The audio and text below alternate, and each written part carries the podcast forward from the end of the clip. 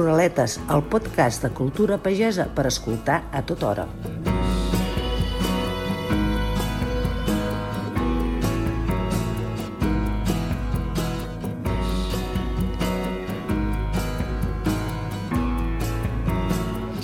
Un museu al segle XXI ja no són les parets i les coses penjades a les parets. És un discurs, és una influència, és un dinamitzador, és un motor. I això és el que és avui en dia el Museu de la Vida Rural de l'Espluga Francolí de la Fundació Carulla. Té més de 5.000 metres quadrats, 5.500, però és molt més gran que això. Des de la seva creació l'any 1988 que el museu ha anat mutant, ha anat atenent a les necessitats del seu entorn pròxim, però també a la sensibilitat social i alhora ha seguit sent un museu de categoria nacional. Se'l coneix com el MRB baixa, que podria ser com el MACBA o com el MANAC, però no només pretén mostrar les característiques de la vida rural i de la pagesia als pobles de Catalunya a través d'objectes de diferents elements, és també un impulsor de la recerca etnològica. I això ho sap molt bé la seva directora, la Gemma Carbó. Benvinguda. Hola, bon dia. Gemma, tu entres en aquest projecte el 2018 i, de fet, no entres tant per conservar aquest patrimoni físic que té el museu, sinó per també donar aquesta nova mirada estratègica per ser un museu impulsor d'un discurs, no? de contribuir a la sostenibilitat en un moment en què podem tenir una saviesa del passat que pugui servir per tenir un millor futur. Exacte. Uh, jo entro en un moment en què, de fet, la Fundació Carulla ja estava fent una aposta per, per la defensa de la cultura com a element de transformació, com, com a gran eina que tenim per canviar no? eh, el món i per canviar les nostres mirades i el museu eh, una mica ha de ser l'exemple d'això, de com des d'aquesta cultura, des d'aquesta memòria del món rural podem transformar el relat de la sostenibilitat i podem pensar en un futur doncs, eh, una mica més verd eh, i equilibrat a nivell social i a nivell econòmic. No? Ruraletes amb Txell Bonet.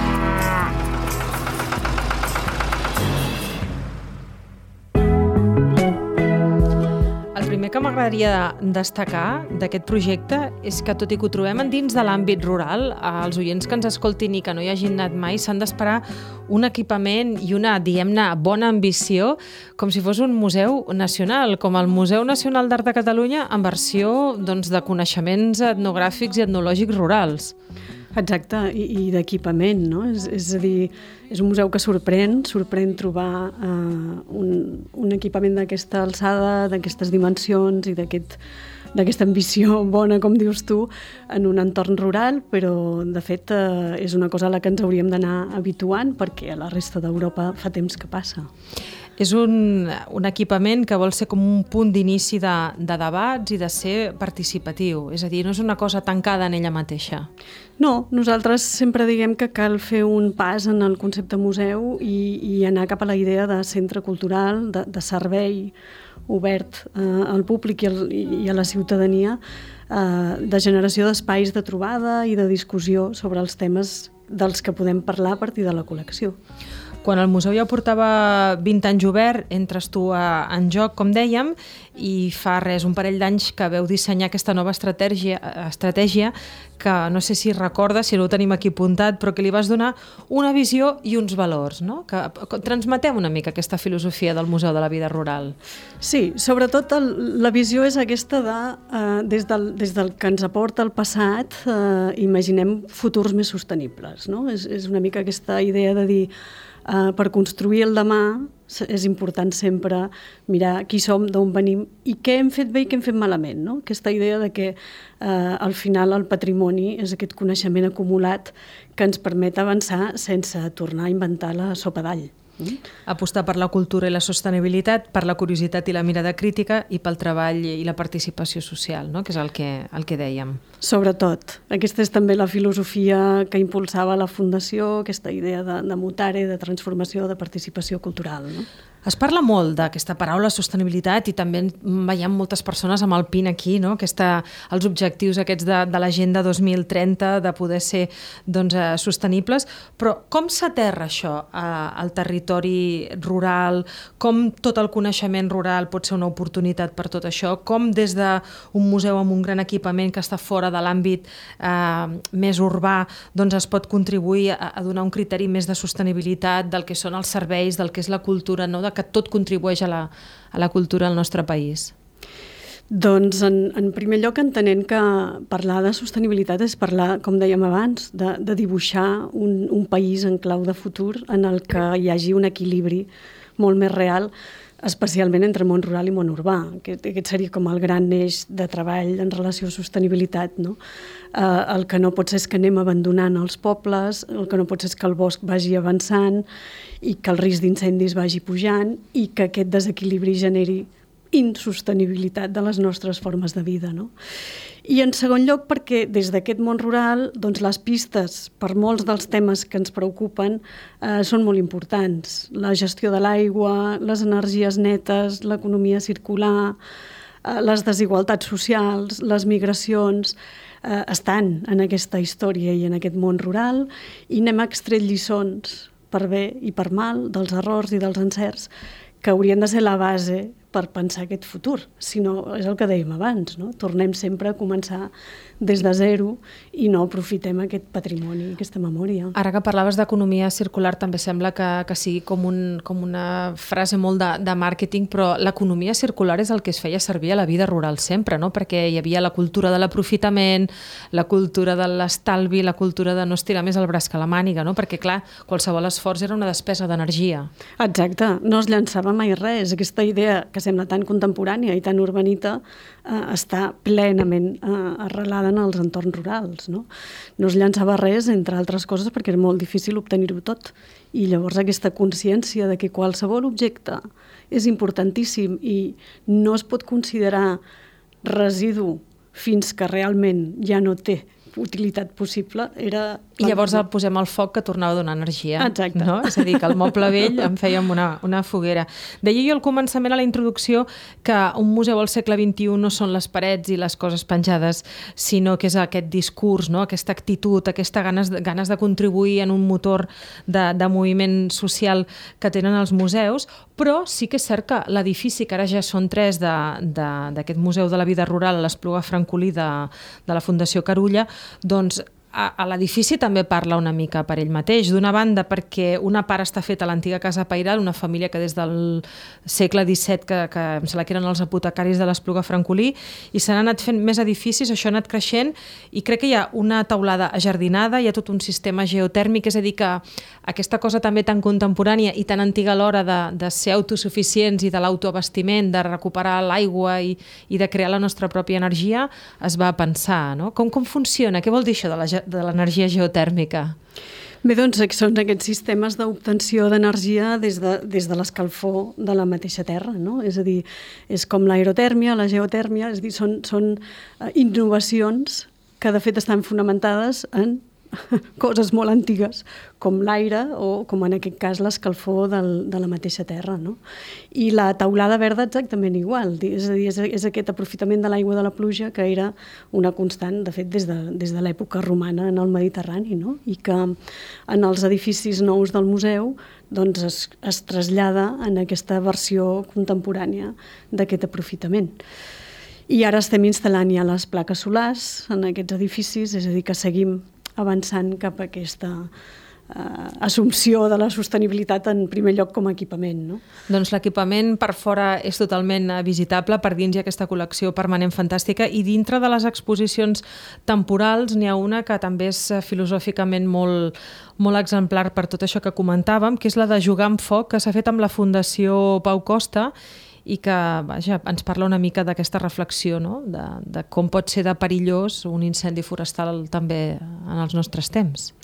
Sí, de fet l'exposició el que fa és eh, combinar aquesta relació amb el foc que és ancestral i que forma part de la nostra identitat, perquè de fet el foc ens ha definit com, com a espècie humana, no? gràcies al foc mengem carn cuita i gràcies al foc ens asseiem a la vora del foc i treballem en el llenguatge i en la narració d'històries i aquest foc que sempre ens havia acompanyat i que les senyores de l'Espluga que, que surten a l'exposició expliquen que mai havien imaginat el foc com un perill, perquè formava part del seu dia a dia i el, el gestionaven i el sabien tractar. Avui eh, és una amenaça incandescent, com diu la gent de Fundació Pau Costa, en un documental que es va fer fa poc per televisió, com diu Marc Castellnou, eh, tenim uns incendis que són de sisena generació, que es deuen al fet de que el bosc ha ocupat molt territori, el bosc no està gestionat, el combustible és moltíssim, la situació d'emergència climàtica fa que això encara eh, sigui més preocupant i, en definitiva, doncs, tenim uns incendis que, com diuen aquests bombers, són difícils o impossibles ja de pagar. I la diferència anant a veure aquesta exposició és que hi ha tot un seguit d'eines artístiques i, i pedagògiques que fan que, que pugui arribar a tots els públics, des dels més petits fins als més neòfits o, o les persones expertes. I després una exposició colpidora i poètica a parts iguals, no més de nada, de Piero Saqueto, eh, sobre la immigració, que també s'ha fet perquè és, és un museu obert a les col·laboracions amb el Museu de la Immigració, que em sembla que està a Sant Adrià del Besòs. Exacte. Aquesta va ser una reflexió. Quan es pensa en sostenibilitat, a vegades es pensa poc amb la pota social eh, i amb la pota cultural, però és una pota importantíssima. Aquests moviments d'anada i tornada que ara són eh, el que configuren el nostre segle, en el món rural hi han sigut sempre. I és una de les coses que compartíem amb Sant Adrià del Besòs, amb aquesta idea de la immigració urbana. No? I, I per això vam fer l'aliança i a partir d'aquesta obra de Piero Saqueto, que és una obra pictòrica que ell fa des de que llegeix a Henry de Luca i els camins només d'anada, i el que ens agradava era aquesta part educativa de la idea de dir com les arts ens poden ajudar a expressar aquests viatges que estem fent tots, no? des del món rural, a vegades d'un poble a l'altre, o del poble a la ciutat, o des de països molt més llunyans, vinguent aquí, a vegades en condicions doncs, molt infrahumanes. No?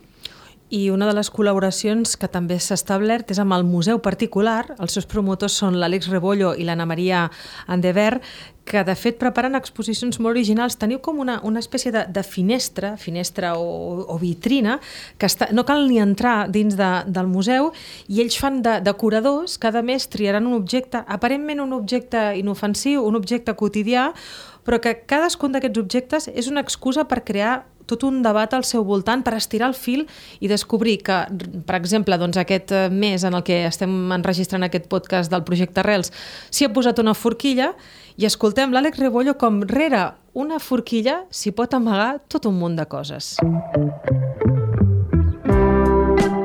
La forquilla és un d'aquells exemples que la nostra relació amb el món rural és més propera del que ens pensem durant segles ha estat un objecte de distinció, de separació entre dos, entre dos mons, dividits per la capacitat econòmica i potser també per la geogràfica.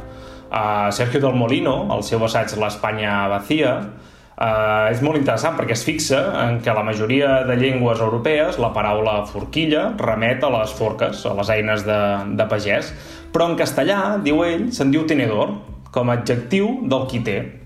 I això ell ho explica per una poca simpatia d'aquells nobles urbanites que utilitzaven aquest nou invent per la baixa societat i el món rural al qui no volien ni acostar-s'hi.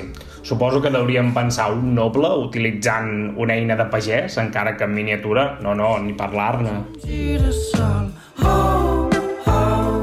L'ús de peluix, que al final és una joguina, també és un bon exemple per parlar de la nostra relació amb la natura i, i el món rural.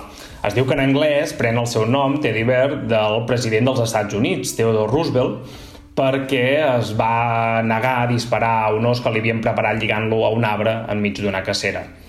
Tot i que és un objecte simpàtic, al final el que ens parla és de la nostra relació amb la natura i com els humans contínuament hem provat de domesticar-la.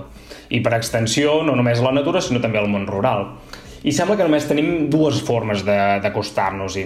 O la mitifiquem i l'endolcim, l'exemple del Winnie the Pooh menjant mel d'un pot, o al contrari, l'estigmatitzem, com per exemple en el conte popular de les Rínxols d'Or i els Tres Ossos, en el que en la versió original del conte eh, els ossos acaben devorant sense pietat a, a la nena.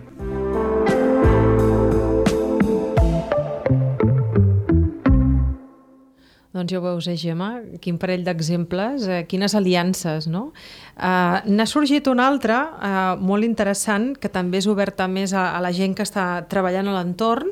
Uh, et sembla bé que coneguem el projecte dels Corremarges? I tant. Amb el jardí del Museu de la Vida Rural hem volgut començar a recuperar els coneixements etnobotànics de l'Espluga i dels voltants. Hem realitzat un treball de recerca local per tal d'elaborar un llistat de plantes. Amb aquest llistat hem pogut dissenyar el jardí i els seus 10 ecosistemes i zones temàtiques. Volem ensenyar aquestes plantes, amb els seus noms comuns, les seves històries i els seus usos al màxim de gent possible, i així crear un espai de reflexió sobre els vincles entre plantes, paisatge, memòria col·lectiva i transformació social. L'associació Els Coramarges té com a objectiu la recuperació i la difusió dels coneixements populars sobre la vegetació. La nostra activitat es centra en etnobotànica, l'estudi dels vincles entre comunitats humanes i vegetals. Tenim diferents àrees d'activitats interrelacionades. Recolectem fruits de marge i herbes espontànies. Elaborem conserves, salses i melmelades. Fem tallers de divulgació etnobotànica. Dissenyem jardins i perquè tot això sigui possible, fem recerca etnobotànica.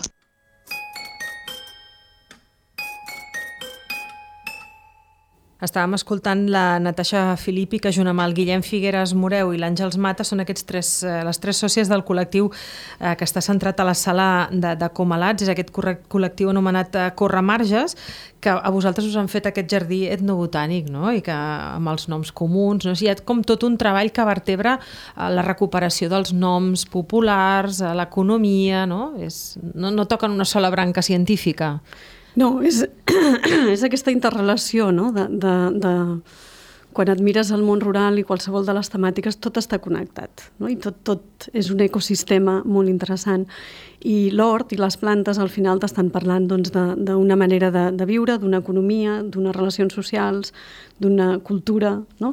I aquesta és la gràcia del, de l'hort i el jardí etnobotànic del Museu de la Vida Rural, de com s'afegeix un espai expositiu més però que aquest està viu i que eh, a través d'aquesta recerca que ens ha fet la gent de Corremarges doncs, eh, posa en relleu aquest coneixement ancestral no? de la natura. Corremarges que estan eh, situats a la Vall del Cor, com dèiem, a la sala de, de Comalats, ara de moment una associació sense ànim de lucre, però que ben aviat volen esdevenir una cooperativa de treball, com una altra cooperativa de dones creada el 2013 que també col·labora amb vosaltres. Són moltes de les sinergies d'aquest Museu de la Vida Rural. És l'Aresta, un projecte agroecològic, cooperatiu i autogestionari que està treballant per la sostenibilitat i la transformació social una mica la part que vosaltres a partir de desenvolupar aquesta agroecologia i la sobirania alimentària. Heu fet diferents projectes amb ells i eh, en el tema de l'or doncs treballen amb vosaltres. Al Museu de la Vida Rural eh, portem l'hort del museu, que és una altra sala, és una sala viva, on hi cultivem varietats locals i experimentem amb diferents tècniques de cultiu ecològic, amb l'objectiu de recuperar i posar en valor la cultura i el patrimoni agroalimentari. També realitzem diversos tallers, eh, per exemple, tallers d'elaboració de pa, tallers de conserves o tallers d'hort ecològic, tot plegat per recuperar aquells sabers tradicionals sostenibles que formen part de la nostra història i que avui en dia són més necessaris que mai. Estàvem escoltant l'Anaïs Sastre, una de les sòcies, eh, varietats locals, experimentació en tècniques, eh, tallers i tot això doncs, eh, treballant, fent recerca i, com dèiem, el vostre hort no? és com un, com un lloc ideal de lo petit anar a, a la cosa gran, no? És un laboratori fantàstic, no? I a més amb aquesta connexió directa amb la terra i amb poder collir, poder plantar, poder fer compost poder reconnectar no? amb, aquesta, amb aquesta natura, que és el que més valora també la gent que, que ve a visitar-nos. No? Doncs es fan molts tallers també alimentaris perquè hem de dir que ells tenen eh, aquesta branca també d'educació per la sostenibilitat i la dinamització local també agroecològica, per això tenen una fleca agroecològica a Santa, Coloma, a Santa Coloma de Caral, també a la Conca de, de Barberà, llavors hi ha tallers de com fer pa i algunes històries així, no?, en, en el vostre en, en, sí, sí. amb el museu? amb un èxit increïble, és a dir, són el tipus de coneixements, de sabers, això que dèiem, eh? que, que eh, cada vegada tots estem buscant més altra vegada, no? aquest eh, recuperar el com fer marmelades, el com fer pa, el com aprofitar els recursos que tens més a l'abast. No? Doncs eh, coneixem una mica més del que fa també l'Aresta fora d'aquest Museu de la Vida Rural, en el que és la dinamització local a la seva zona l'àrea de dinamització local agroecològica fem projectes de territori que pretenen engegar transicions eh, socials i econòmiques no? cap a sistemes més justos i sostenibles. Alguns exemples, per exemple, és la feina que fem amb l'Ateneu Cooperatiu del Camp de Tarragona, CopCamp, on acompanyem a la creació de projectes cooperatius i també generem eh, projectes col·lectius no, d'intercooperació entre diferents agents del territori per respondre a les necessitats eh, socials. Un altre exemple és el catàleg de pagesia de la Conca de Barberà, que pretén ser una eina per facilitar el consum local de productes aquí a la comarca. Mira, se senten els gossos per aquí, que tenen a Santa Coloma de, de Caral. Uh, un catàleg de la pagesia de, de la Conca de Barberà, que entitats com ells doncs, la poden anar fent també a altres uh, comarques. El Museu de la Vida Rural de l'Espluga de Francolí treballa uh, en el concepte de ciència ciutadana i amb coses que, que han colpit a la comarca i que han tocat de prop. Sí, eh, arrel de la, de la riuada, eh, que malauradament a l'Espluga doncs, va ser eh, protagonista important fa, fa pocs mesos encara, eh, vam engegar o vam començar a participar en un projecte que es diu FLODAP, que és un projecte que precisament des de la Universitat de Barcelona, amb la doctora Llasart, estudia totes aquestes situacions d'emergències, eh? no només de riuades, sinó també d'incendis, i ho fa preguntant a la gent del territori, perquè la gent del territori té molt de coneixement eh, de què ha passat en riuades anteriors, de per on l'aigua circula eh, de manera natural, de quins són els punts eh, perillosos no? o de quins són els punts en els que eh, fins i tot els noms a vegades indiquen eh, la presència d'aigua. I és a partir d'aquesta recollida d'informació de la gent del territori que elles van eh, fent recerca amb clau eh, internacional sobre els fenòmens com aquests. No? Doncs com dèiem, eh, aquest concepte que també sembla ara molt novedós i acadèmic de la ciència ciutadana és el que era aquesta saviesa popular, ara li diem així, però s'ha aprofitat eh, l'equipament del museu per presentar estudis a l'entorn d'aquesta experiència de la malaurada riada de la riuada de l'octubre del 2019. Hi ha moltes activitats al museu, la, la cultura ecològica per famílies, una que m'has d'explicar, que jo on, on he de signar, que es titula Elogi de la lentitud, i després l'esperit del vi per acostar-nos també també aquesta cultura del vi. Uh, Fes-me'n cinc cèntims de l'elogi de la lentitud. Doncs mira, una de les coses que, que parlant entre la gent que sempre debatem sobre aquesta idea de si existeix o no el món rural, dèiem que una de les coses que defineix els espais rurals és aquesta percepció diferent del temps, no? aquesta sensació de que eh, tot es pot fer d'una manera molt més tranquil·la. I elogi de la lentitud va una mica d'això, de deixar els mòbils aparcats quan comences la visita, de deixar els rellotges, de no saber eh, què passarà ni quan acabaràs i de fer una visita molt tranquil·la i molt pausada al museu, combinada amb una tècnica fotogràfica que requereix molt de temps i que és l'antítesi del selfie? Però que té tota una component estètica i, i, i jo diria que filosòfica molt interessant i després complementat tot això amb un dinar fet a cuina lenta. No? És a dir, és, és posar en valor altra vegada aquesta sensació de que el temps eh, és una de les components essencials del nostre benestar i que si el deixem que vagi tan de pressa i que corri tant, doncs acaba una mica amb la nostra salut mental. No? I tant. Amb això que deies de la tècnica fotogràfica, que és allò com una estanopeica o, o uns daguerrotips? O com... sí, sí, sí, és una màquina fotogràfica que tenim al museu, molt antiga, en la que el, el temps d'exposició és molt lent i que has d'estar molt quiet. I que no t'has de moure, perquè si no sembles un fantasma, i els si no, nens no petits surt. sortien sempre borrosos. I de fet és un experiment eh, que pot sortir bé o no, i això ja ho advertim, eh, perquè no hi ha possibilitat de fer una còpia automàtica. De fet, una de les virtuts que també té el museu, a part de tota la col·lecció de carros i cantís i tot el que hi puguem trobar de maquinària, no només agrícola, sinó de tots una mica els oficis de, de la vida rural, però hi ha un gran arxiu fotogràfic.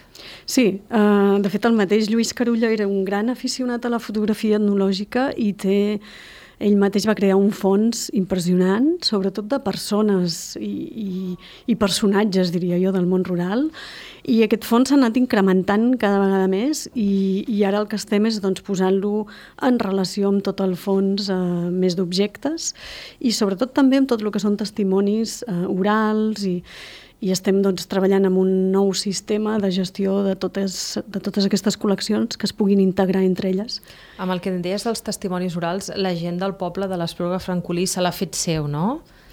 Jo crec que sí i, i confiem en que cada vegada més eh, els convidem contínuament perquè la idea és que són ells el patrimoni no? i són ells els que saben de tot això i els necessitem per, per construir tots aquests relats. Qui també s'ha fet molt seu eh, al museu són les escoles no? I, hi ha hagut una interacció fins i tot a vegades per, per, per temes circumstancials eh, material didàctic també viatja cap a les aules però em sembla que un de cada quatre visitants del Museu de la Vida Rural és un nen, és una persona escolaritzada.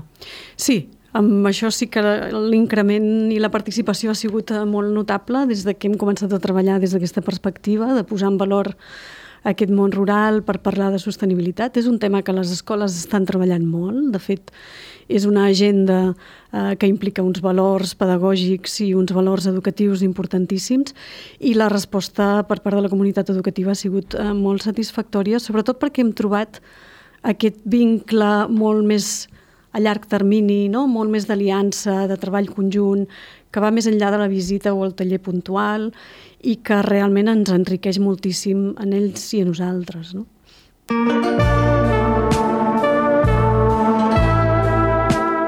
Hola, sóc el Roger, tinc 5 anys. Cada dimecres anem al bosc i ens inventem banyes i escalem els arbres.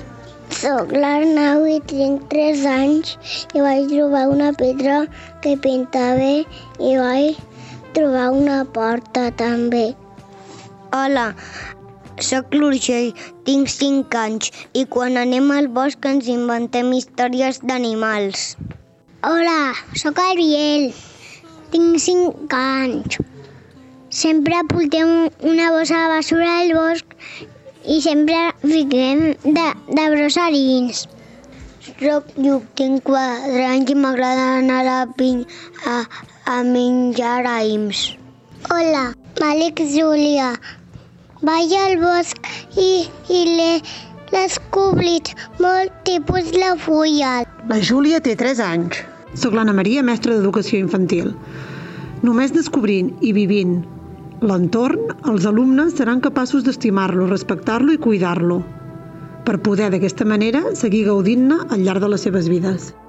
Estàvem escoltant l'Anna Maria Bonell, que a més de mestra d'infantil doncs és la directora d'aquesta escola de la ZER, la zona escolar rural Conca de Barberà, que es localitza en quatre pobles, Solivella, Pira, Rocafort de Caral i Barberà de la Conca, i que també visiten molt i fan aquesta feina eh, mà a mà amb el Museu de la, Birra, de la Vida Rural.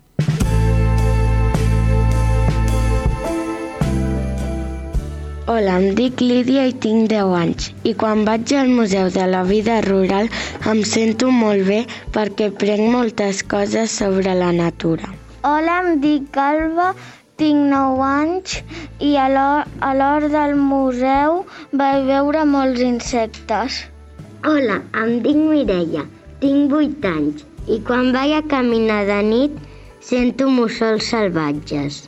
Hola, em dic Tània i tinc 8 anys i jo he après moltes coses sobre la vinya al Museu de la Vida Rural. Hola, em dic Pol i tinc 10 anys i jo quan vaig a la muntanya em relaxa perquè sento animals. Hola, em dic Dúnia i tinc 8 anys i jo cada dia me'n vaig al bosc a caminar. Em dic Carme i sóc mestra de cicle mitjà.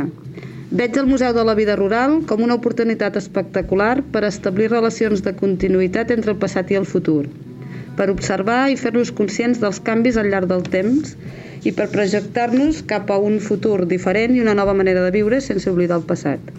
També és una oportunitat d'obertura cultural i social per gaudir-ne, aprendre i respectar l'entorn. Escoltarem també els eh, nois de cicle superior d'aquesta escola Conca de Barberà, aquest ZER Conca de Barberà, que interactuen amb el museu, visiten la zona expositiva de les feines del camp de la vinya i l'olivera. Hola, em dic Eric i tinc 11 anys. Quan surto de casa i veig les oliveres i les vinyes, recordo els meus dos avis. Hola, em dic Maria, tinc 11 anys i al Museu de la Vida Rural ens van ensenyar la vinya en diferents èpoques de l'any i això ho veig tot l'any quan vaig a l'escola. Hola, em dic Ivet, tinc 11 anys, vaig a collir olives amb el, meu, amb el meu avi, les portem al molí i tinc coli per tot l'any. Em dic Ramon i sóc mestre de cicle superior i el Museu de la Vida Rural el que ha fet és apropar-nos als nostres avantpassats, apropar-nos al nostre present i al nostre futur del medi natural. I per tant s'ha convertit en una eina imprescindible per les nostres escoles per entendre tot el nostre entorn. I per això doncs, a nivell curricular el tenim en compte en tot moment per poder anar al museu o que el museu vingui a l'escola. Eh, i tenim una relació molt estreta. Doncs quan jo al començament, Gemma Carbó, directora d'aquest museu, em referia que és un museu nacional en l'àmbit local, ho, ho dic perquè passa una mica com quan vas, per exemple, al Museu Nacional d'Art de Catalunya, no? que cada vegada hi pots anar sempre un cop a la setmana, un cop al mes, perquè sempre veus coses noves i en aquest cas és una mica semblant, no? I manteniu també, allà es manté el nostre patrimoni artístic i aquí és un art d'una altra manera, no? l'art de, de la vida i del dia a dia. Sí, ens agrada molt aquest concepte no? d'art de la vida, no? aquesta idea de que al final la forquilla o el carro no? són també obres d'art que han definit doncs, a, a les nostres cultures i les nostres formes d'estar en el territori. No? Doncs Gemma, se't gira feina perquè no podeu, no podeu baixar la guàrdia, s'ha de treballar eh, cada dia. Gràcies per avui haver deixat el museu i haver vingut eh, cap aquí a Ruraletes a, a veure'ns i ens veiem aviat nosaltres, anirem al museu. Potser algun dia podríem fer algun programa en directe des del Museu de la Vida Rural. Doncs esteu convidadíssims, serà un plaer i moltes gràcies per, per convidar-nos i us esperem quan sigui possible, clar. Que vagi molt bé, gràcies. Si vols ser un autèntic ruraletes, tens dues opcions. Ens escoltes o et fas pagesa com jo. El podcast de Cultura Pagesa per escoltar a tota hora.